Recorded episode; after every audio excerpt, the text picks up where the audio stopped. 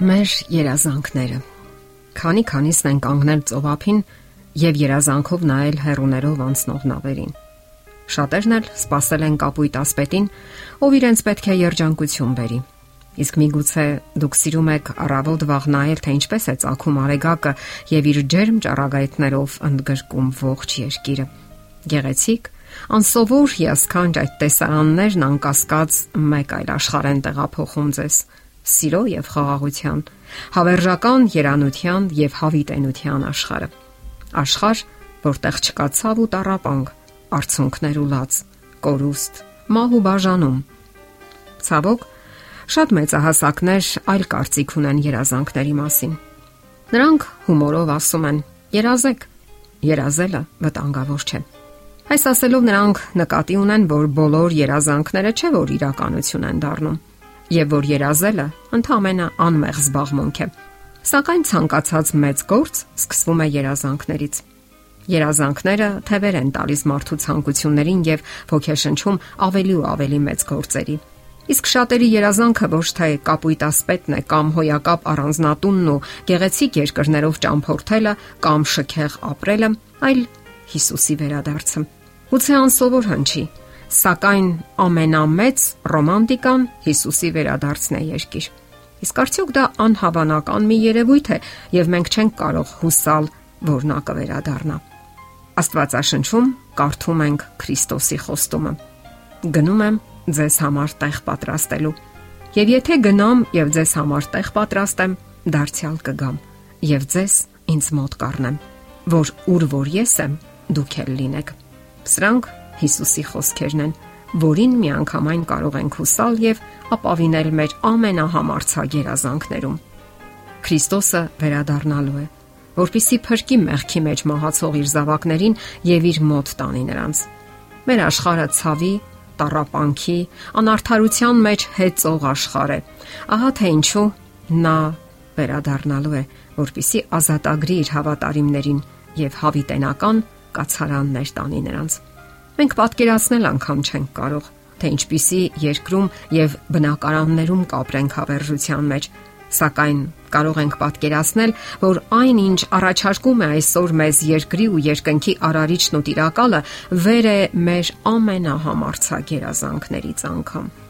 Ահա թե ինչ է գրում Պողոս Արաքյալը այդ մասին. Ինչ որ աչքը չտեսավ եւ ականջը չլսեց եւ մարդու սիրտը չընկավ այն պատրաստեց Աստված իրեն սիրողների համար։ Ինչու ենք մենք երազում։ Երբևէ ձեզ հարցրել եք, թե ինչու ենք մենք երազում։ Ինչն է դրթում մեզ երազել տարբեր բաների մասին։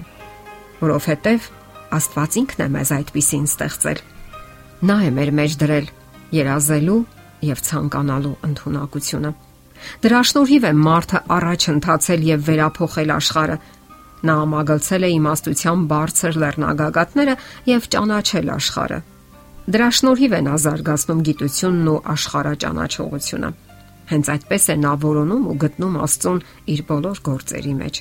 Եվ թեպետ շատերը ոչ միայն չեն փնտրում նրան, այլև ծաղրում են, անարգում, սակայն կգա այն օրը, որ բոլորը կտեսնեն նրան։ Եվ այդ ժամանակ կխոնարեն իրենց գլուխները եւ ամոթ հահար կլինեն։ Եսայա մարգարեն գրում է. որովհետև զորաց Տերը մեկ օր ունի ամեն ամբարտավանության եւ բարձրության դեմ եւ ամեն հպարտացածների դեմ եւ նրանք պետք է ցածրանան եւ մարդիս ամբարտավանությունը պետք է խոնարհվի եւ պետք է իջնի մարդկանց բարձրությունը եւ միայն Տերը բարձր կլինի այն օրը Աստված չի ցանկանում որ մենք իրենից վախենանք Երբեք չմտածեք այդ մասին։ Նրա ցանկությունն է, որ մենք գիտակցենք, որ առանց Աստծո ոչինչ չի կարող գոյություն ունենալ եւ որ հավիտենական կյանքի մեր երազանքները միայն իր ձեռքում են։ Մարդը պետք է գիտակցի իր դերն ու առաքելությունը այս կյանքում եւ հասկանա, որ իր բոլոր ջանքերը դատապարտված կլինեն, եթե այնտեղ տեղ չլինի Աստծո համար, եւ որ Աստծո հետ հարաբերություններում մենք պետք է առաջնորդվենք ոչ թե վախով, այլ միայն ու միայն սիրով։ Ահա թե ինչու իր ողջ փառքն ու զորությունը մարդուն ցուցադրելուց առաջ նա ցույց տվեց իր սերը մեր հանդեպ, հանուն մեր փրկության զոհաբերելով իր որդուն։ Մարդիկ սիրում են ասել, որ երազանքները իրականություն են դառնում։ Սա առավել եւս վերաբերում է Աստծո եւ Քրիստոսի մասին մեր երազանքներին։ Ինչից էլ բխում է մեկ այլ երազանք՝ հավերժ ապրելու եւ Աստծո ներկայությունը հավերժ զգալու եւ տեսնելու մեր երազանքներին։ Իսկ դա միանգամայն հնարավոր է, որովհետեւ հենց այն ժամանակ, երբ Ադամն ու Եվան վտարվում էին Եդեմից, Աստված խոստացավ, որ կանի հնարավորը մեզ այդ հիասքանչ վայրը վերադարձնելու համար։ Եվ նա ուղարկեց իր միածին որդուն, որ իր փրկագնական մահով իրականություն դարձնի մեր երազանքները։ Շուտով ավարտին կմոտենան նաև մեր երազանքները։ Երազանքները կվերափոխվեն իրականության։ Մենք կտեսնենք Հիսուսին դեմ առ դեմ։ Ժամանակն անցնում է։ Իր վերջին պտույտներն է կատարում մարդկության պատմության ժամացույցի անսխալ սլաքը։ Հիսուսը խոստացել է, որ կվերադառնա։ Այդ իրադարձությունը մեկ ընդմիշտ վերջ կդնի մարդկության տարապանքներին եւ հոգնեցուցիչ սպասումներին այն մասին, թե ինչպես է գալու այս մեղավոր աշխարհի վաղճանը։ Շատերի հույսը քաղաքական գործիչներն են կամ էլ սոցիալական բարեփոխումները, սակայն այս բոլորը վաղ թե ուշ կանցնեն եւ կմնա մեն միակ հույս՝ Հիսուս Քրիստոսը։ Միակ մխիթարական հույսը Հիսուսն է, ով երկինք համբարձվելուց առաջ խոստացավ կրկին վերադառնալ երկիր եւ իր մոտ տանել իր հավատարիմ հետևորդներին։ Իսկ մինչ այդ մենք երազում ենք նրա վերադարձի մասին եւ ունենք վստահություն,